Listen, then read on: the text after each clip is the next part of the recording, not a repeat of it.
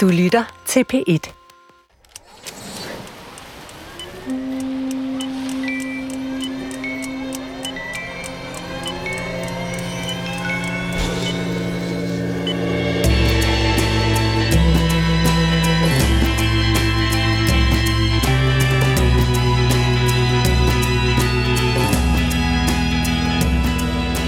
Kender du det med, at man glad og fornøjet sidder og fortæller om noget dramatisk, man har oplevet, og så får et mindre chok, når man ser redselen malet i øjnene på den, der lytter?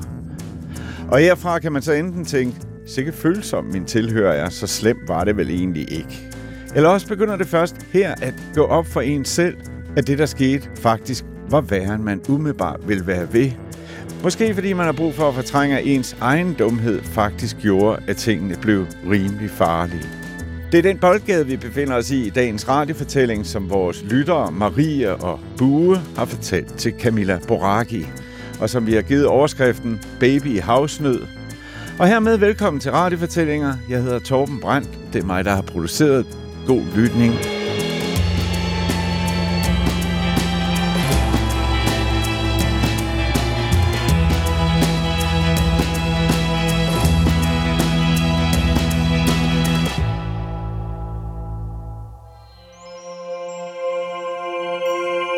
Jeg bliver øh, gravid kort efter, at jeg startede på øh, min uddannelse.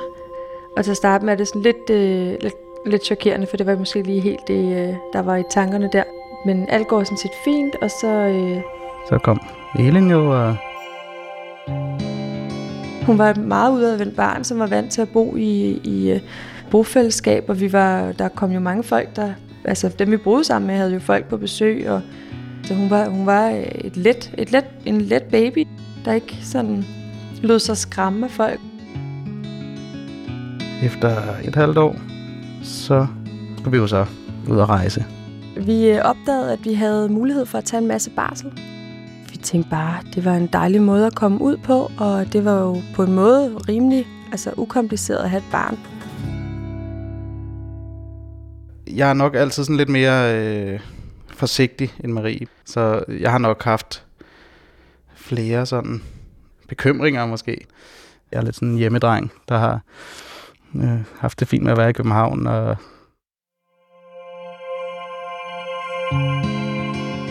vi endte så med ligesom at, at beslutte, at vi kunne i hvert fald godt tage til Thailand, fordi øh, der havde vi været, for ud af, det var meget nemt, og folk var søde, og det var, det var meget trygt at være der, ikke? Vores sundhedsplejerske synes, det var lidt specielt. Øh, min svigermor var heller ikke umiddelbart udtalt begejstret for det. Vi så det slet ikke som en risiko, fordi man har jo børn alle steder i verden.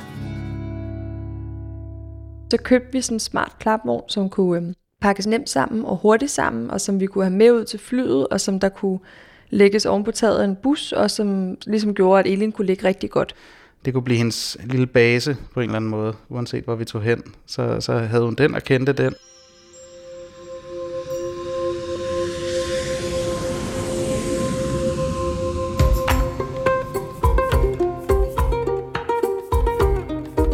Vi kom ud til den der ø, vi skulle ud til, og så var det hele jo bare virkelig lækkert og paradisagtigt. Og så ø hoppede vi videre sådan op ad vestkysten i Thailand. Så det var nogle øer, hvor der var en hvid strand og ikke så meget andet.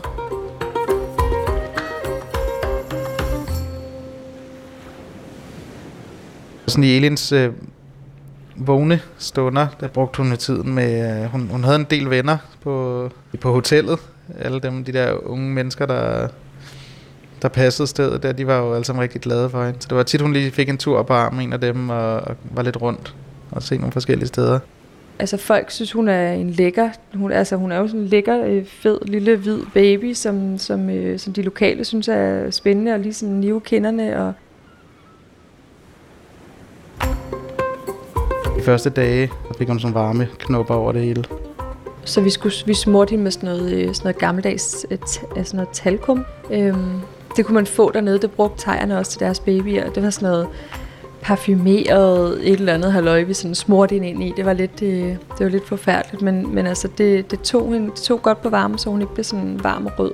Men ellers så var det jo bare, alt den tid vi kunne, så susede hun jo bare nøgen rundt ned på den der strand, eller kravlede.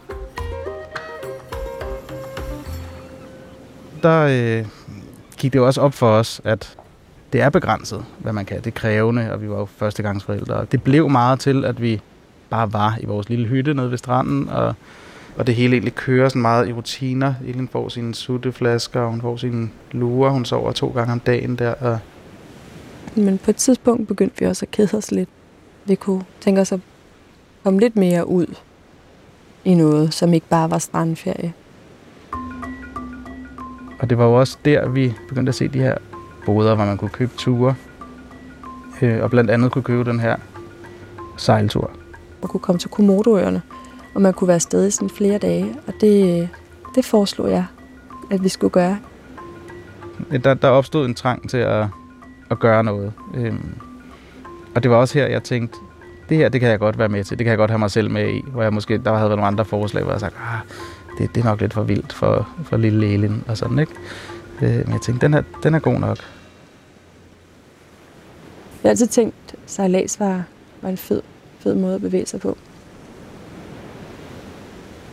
De der dage, hvor vi snakker frem og tilbage, om vi skal købe de billetter og sådan, og så, så, er, vi, så er vi ude at bade sammen med Elin, og, og vi snakker sådan om, jamen hvad nu, altså vi, vi har jo haft det der op at vende, hvad nu hvis der sker et eller andet, og sådan, hvad, hvordan, øh, hvad gør man, hvis man skal svømme med en baby, og så prøvede vi det, sådan, så prøvede vi at øve os i at, sådan, at svømme med hende der, øh, og det kunne man ikke, altså det kunne vi slet ikke.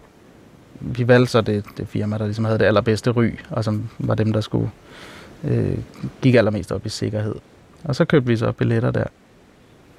Jeg tror, vi var 15 mennesker, der skulle afsted på den tur. En stor træskib, sådan en traditionel fiskerbåd, der sådan er bygget om. Vi møder jo selvfølgelig det der crew, og de er, de smadrer søde, og der er virkelig god stemning. Der er nogen, der ligesom havde købt billet til bare at sove på dækket. Det var den billige version, og så var der nogen, der havde købt kahyt. Det er blandt os. Som, det tænkte vi, det, det, var, det var en nødvendighed for, at det kunne, kunne gå med vores, vores lille barn der. Der lå sådan en halvandemands madras på gulvet, så kunne klarbogen lige stå ved siden af, og så kunne man sådan lukke skydedøren. Øhm, det var det, der var. Men vi synes, det var rigtig dejligt og eksotisk. Dem, vi skulle afsted med, virkede rigtig søde. Det var sådan en broet skare af mennesker. Der var blandt andet en ungarsk kvinde, som rejste alene, som er sådan start 30'erne, tror jeg. Og så er der øh, det her østriske par. Nogle lidt sådan sjove karakterer. Vi skulle ligesom være afsted fem dage på båden. Vi skulle ud og se Komodo-varanerne. Og... Elin, hun har det rigtig sjovt. Hun er faldet meget godt til i, i vores rejseliv. I de dage, der begynder hun at stå selv. Hun, hun har længe kunne rejse sig op og sådan holde fast i ting, men der begynder hun sådan at give slip og stå lidt selv på sine små fødder. Og det er jo sådan, det er lidt ærgerligt, at vi lige kommer ud på en båd, fordi det, det er jo det er ikke så nemt for hende. Jeg glæder mig sådan lidt til, at vi kommer, kommer på land igen, så hun kan sådan øve sig lidt mere på det. Sidst på eftermiddagen, den første dag, så, øh, så sejlede vi afsted. Og første destination, det er en lille ø. Vi skulle ind på øen og spise sådan noget aftensmad, og så var der sådan noget bonfire. Der var en tidspunkt, så skal jeg hente noget ude på båden, og så tænkte jeg, jeg svømmer lige derud. Og det var faktisk virkelig, det var rigtig dumt. Der var faktisk rigtig meget strøm, så det var sådan en, det endte med at blive sådan ret, ret sådan panisk, det der med at nå, nå hen til båden. Det var sådan med, med de sidste kræfter. Og så glemte jeg det ret hurtigt igen.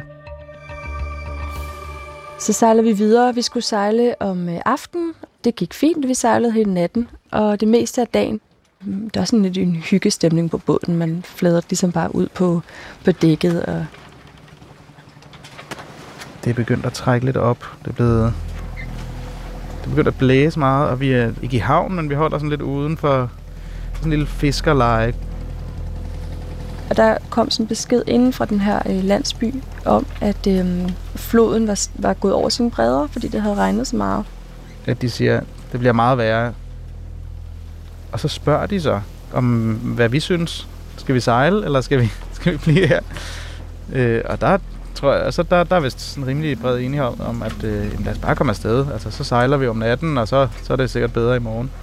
Der er slet ikke nogen tanker om, at det måske kan være en dårlig idé at sejle, når det er uvejr. Fordi der er jo en kaptajn, der bare spørger. I løbet af aftenen, så blev vejret bare rigtig, rigtig dårligt. Jeg plejer egentlig ikke at blive søsyg, men jeg endte faktisk med at tage nogle søsygetabletter fra nogle andre Øh, fordi det, det var så vildt. Altså, det var så vildt, den der båd. Den stod bare, så man, man kunne sådan over reglingen, så kunne man se, se vandet. Og så når den vippede til den anden side, så kunne man også se vandet. Man kan høre nogen, der begynder at kaste op og, og få det dårligt der. Og Og det blev bare værre og værre og værre. Men altså, de der søsygetabletter, jeg havde taget, jeg ved ikke, om det var sådan Asian style, men jeg blev sådan lidt groggy og sådan lidt døsig, så jeg endte faktisk med at falde i søvn. Og så kan jeg bare huske, at jeg lå uden at være dårlig, men er registreret sådan en gang imellem, når jeg sådan døsede op, at den der båd virkelig havde udfordringer med, med vejret.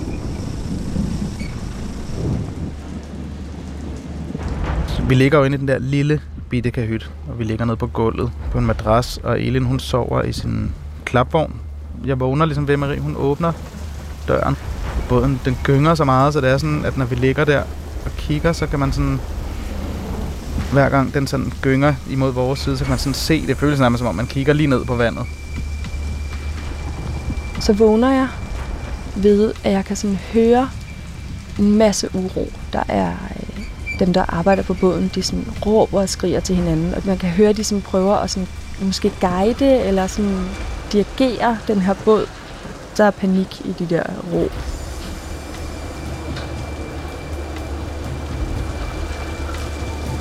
Og så kan jeg bare mærke den der daf, at vi er gået på grund. Og så står den bare stille. Og det er der, det ligesom venner for mig. Jeg går fra at bare være på en båd, der gynger meget, til at blive sådan rigtig urolig. Og, og, og, og gå sådan lidt i sådan en eller anden form for panik. Og en ting er, når en båd sådan ligger i uvær og sådan kan følge med bølgerne, øh, selvom det er ubehageligt og det gynger meget, så har man jo også sådan en, når jamen, den ligger ligesom oven på vandet. Men nu, fordi vi ikke kunne følge med i bølgerne, så blev, så blev båden der blev bare rystet i på en helt ny måde. Og så begynder vi jo at snakke om, hvad, hvad skal vi gøre? Vi vidste ikke, hvor vi var henne. Vi har ikke fået nogen beskeder eller noget som helst. Og, og, og min første indskydelse er jo så, at øh, vi skal have spændt Elin fast i sin vogn. Jeg vidste, at der var redningsveste i den der hyt, fordi det havde jeg faktisk tjekket. Men der, op, altså, der opstod sådan en diskussion imellem Bue og jeg. Jeg synes, at vi skulle tage hende, vi skulle tage vores redningsvest på, vi skulle tage hende ud af klapvognen, og vi skulle komme ud af kahytten, og så skulle vi stille os enten sådan helt ned bagerst, eller helt op forrest, sådan så at hvis båden den ligesom endte med at krænge over, så kunne vi, så kunne vi springe fri fra en af siderne.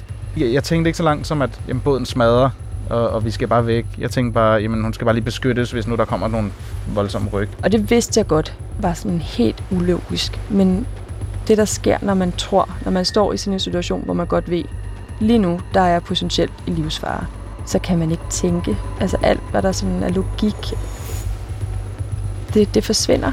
Og det, det diskuterede jeg med ham i rigtig lang tid. Jeg prøvede at forklare ham, det der, det er en rigtig dårlig idé. Vi skal ud af den her kahyt, vi skal, vi skal kunne svømme væk.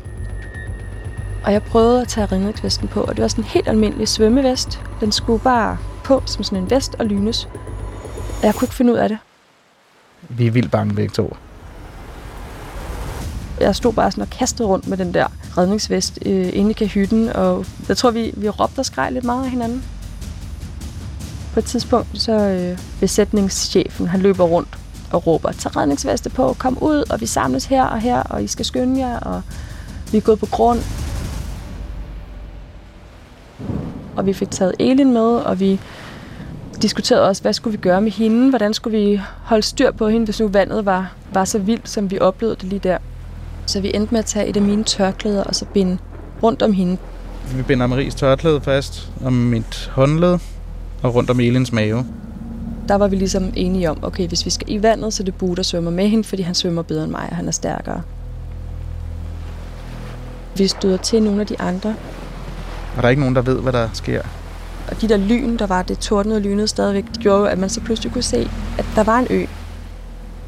Man kan se sådan klipper, måske 10 meter høje. Klipper, hvor de der bølger, de bare smadrer ind. Rå klippevæg, sådan helt lodret. Det er ikke noget, der ligner noget, man kan komme op på. Så blev vi alle sammen samlet nede på sådan første sal. Og Elin, hun er i rigtig godt humør. Hun er glad. Hun synes, det er spændende. Hun er vågen. Så hun sidder bare på min arm. Der er en, som er fuldstændig i panik og bare sådan skriger og bare ligesom har givet helt slip på sin afmagt. Og så gik der et øjeblik, så kom kaptajnen løbende op nede. Han havde været nede i maskinrummet, og så råbte han bare, Allah, this boat will sink. Der er gået hul på båden, og vandet fosser ind. Besætningschefen han sagde, nu skal I springe i vandet. Og så stod han med en lommelygte ude foran og lyste. Og hver gang, at, at der er en bølge, der ligesom slår ind mod, så råber han nu. Og så er der en person, der kan hoppe i. Det her østriske par, manden, han var sådan, han var sådan helt glat i huden. Lidt som en, der havde fået rigtig meget Botox. Eller sådan helt, helt glat. Han var taget ud af sådan en øh, American Psycho, fordi han var bare sådan helt vild i øjnene.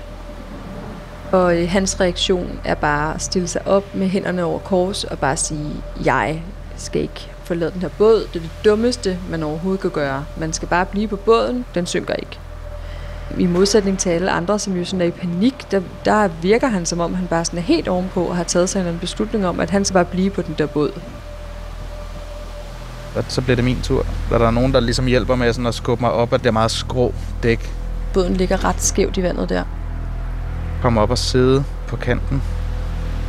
Og så kan man bare se bølgerne, der sådan slår ind mod båden. Helt hvide, frådende. Og så sagde jeg, nu så tror jeg, jeg tøvede bare lige en lille smule. Så det var sådan, jeg ramte. Jeg kunne lige mærke klipperne der, da vi kom ned. Det der med at stå på kanten og se sin kæreste springe i med vores datter. Bare springe ud i det der sorte. Og bare se ham forsvinde under vandet. Og så de der sekunder, før han sådan kom op igen. Det er nok altså det værste i hele mit liv, at stå og kigge på det.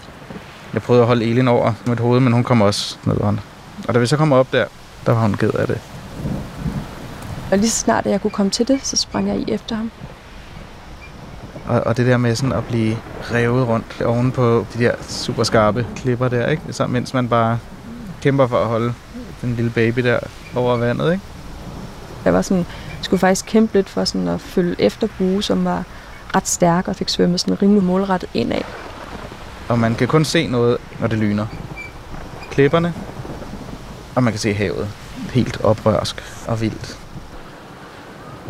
Og så lige da vi lå der i den der brænding, og så blev kastet frem og tilbage, der var nogle klipper og noget rev, man kunne kravle op på, men de var bare ret skarpe.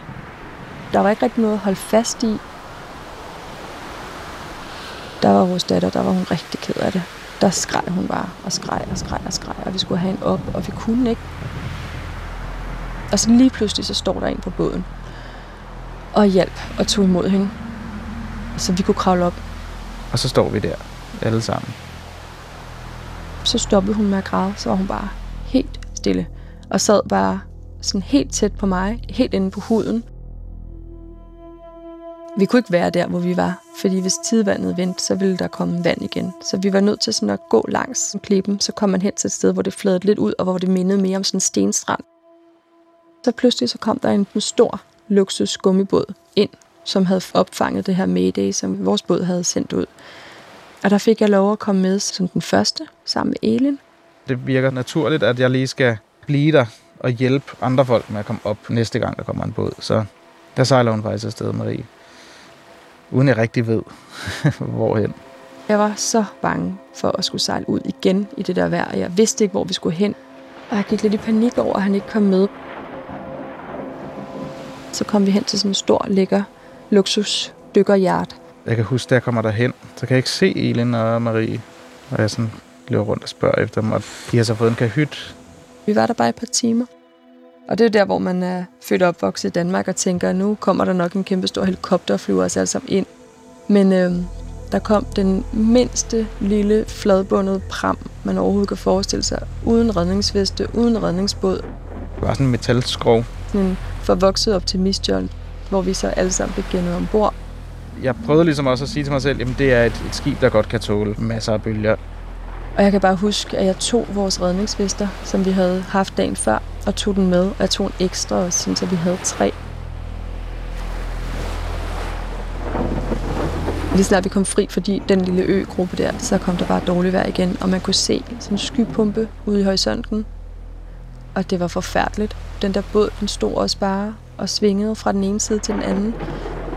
Der var ikke rigtig nogen, der, der sådan sagde noget, og så pludselig så blev det bare for meget. Så hende, den ungarske kvinde, hun sådan lagde sig ned på bunden af båden i takt med det der, altså vejret, det blev jo vildere og vildere og vildere. Så lå hun der og skreg og græd. Men hun ligger bare og skriger hele vejen. Og jeg har det egentlig fuldstændig ligesom hende. Og ham, den østriske mand og hans kone, de sad bare og grinede af hende. Sådan lidt psykotisk. Jeg stod bare op med Elin og holdt hende fast og sådan stod og gyngede frem og tilbage med den der båd og græd. Så da vi skal ind, der, øh, der ligger hun sådan set bare hos mig og, øh, og ammer. Det virker som om, hun også godt kan mærke, at vi er gået fra at have den der, altså den der rutine, vi egentlig har fået bygget op med den lille klapvogn, hun kan sove i, og alt det, det hele er jo væk. Men vi kom frem til havnen der. Og der står sådan en lille minivan, som så køres hen til sådan et restaurant, der ligger sådan lidt op over byen. Og der kommer besætningen også, og kaptajnen. Og der opstår faktisk en ret dårlig stemning.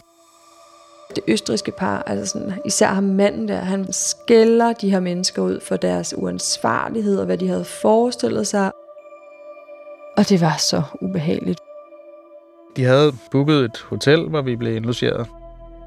Og da vi kom derop, der klappede jeg bare helt sammen. Jeg kunne ikke øh, stå op, og jeg var ked af det hele tiden. Der er jeg meget sådan handlingsorienteret, så jeg er sådan ude og prøve at skaffe noget tøj og skaffe noget mad og prøve at finde den rigtige sut. Og jeg kan bare huske, at det faktisk er svært for mig at passe hende ordentligt. Det var faktisk for meget for mig, men omvendt så var det også sådan, at det blev jeg bare nødt til. Og jeg havde sådan faktisk svært ved at følge med hende rundt, når hun kravlede rundt. Jeg var meget bekymret for, om vi nu ligesom havde traumatiseret hende. På en måde var det godt, at hun ikke var ældre, øh, at hun ikke sådan kunne reflektere over, hvad der var sket. Vi fik et fly hjem et par dage senere. Og jeg kan huske i Balis lufthavn, altså vi lignede jo, jeg ved ikke hvad, vi havde jo bare sådan noget helt crappy tøj på. Jeg havde en bæltetaske, hvor min, vores pas lå i, som jeg havde svømmet med. Og alle de der stempler, vi havde fået os, de var jo sådan flyt helt ud. Da vi så stod i Balis øh, lufthavn og skulle tjekke ind, så sad der sådan en skrankefyr. Han så gik meget op i, hvorfor har du behandlet dit pas på den her måde, og det er jo helt vådt, og ja, han kunne ikke åbne siderne, han sad sådan og bladrede. Jeg kan huske, at jeg blev så vred på ham. Jeg tror faktisk, jeg stod og råbte af ham. Og jeg kan huske, at hele den tur hjem, den var fuldstændig, den var helt panisk. Vi var helt mærkelige og vildt påvirket af det der. Mine forældre har sådan en svensk ødegård, så tog vi derop og var. Og, og ligesom prøve at, at lande lidt i os selv igen. Der kan man slet ikke mærke på Elin, hvad hun har været igennem. Hun er fuldstændig sig selv. Hun, det er som om, hun nærmest har glemt, hvad der er sket. For hende har det nok mest været altså, en ubehagelig overraskelse at komme ned i noget, lige pludselig blive kastet ned i vandet, og hun har også øh, altså været glad for vand også efter det. Og Jeg var ret aggressiv i ugerne efter og var helt rundt på gulvet. vi var, vi var bare ændret der. Altså, vi var, vi var virkelig anderledes lige der. Og det der med at have, have fået nedbrudt den der, den der tryghed på en eller anden måde. Den dag i dag er jeg ikke tryg ved at sejle overhovedet. Øh, Jeg er generelt utryg, når jeg er i situationer, hvor jeg ikke selv har kontrol. Jeg har faktisk oplevet sammen med, med Marie, i hvert fald en enkelt gang, hvor vi sådan er gået i panik sammen. Vi gik over sådan en gangbro, øh, sammen med sådan en hel masse, masse mennesker, der skulle til koncert i Tyskland. Og så, mens alle de der mennesker, de gik sådan lidt i takt, og så begyndte den sådan at, så begyndte den sådan at stå og, og vippe, den der bro. Den stille over, man kunne mærke det, at den stod sådan, den kom ind i sådan nogle svingninger. Og så gik vi bare i panik begge to, og, og løb igennem alle de der menneskemængde der, og bare, vi skulle bare ned.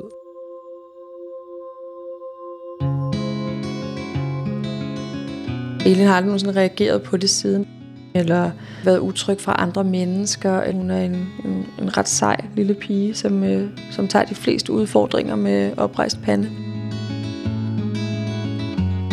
I dag så øh, har vi fået øh, tre børn, og vi er stadigvæk øh, eventyrlystne. Men øh, alle de der vilde drømme, de, jeg har dem stadigvæk. Øh, men Bue, han er, han er blevet bedre til at sige fra og stoppe, og det er rigtig dejligt.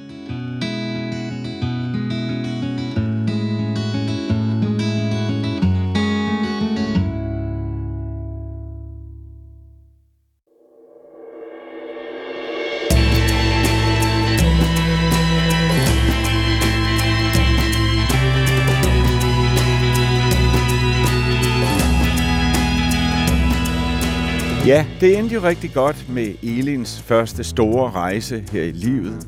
Til gengæld får vi aldrig at vide, hvordan det sidenhen gik den ungarske dame og det østriske par. Det kan vi kun gisne om. Dagens udsendelse blev tilrettelagt og produceret af Camilla Boracchi og undertegnet. Jeg hedder Torben Brandt. Du kan få meget mere radiofortælling om en uge, samme tid, samme sted på FM Web eller podcast, eller du kan gå i arkiverne allerede nu. Tak fordi du lytter med på radiofortællinger, og måske også skriver til os på radiofortællinger om en dramatisk oplevelse, du har haft, ligesom Marie og Bue gjorde det. Husk at stave æget i radiofortællinger AE. På snarlig genhør.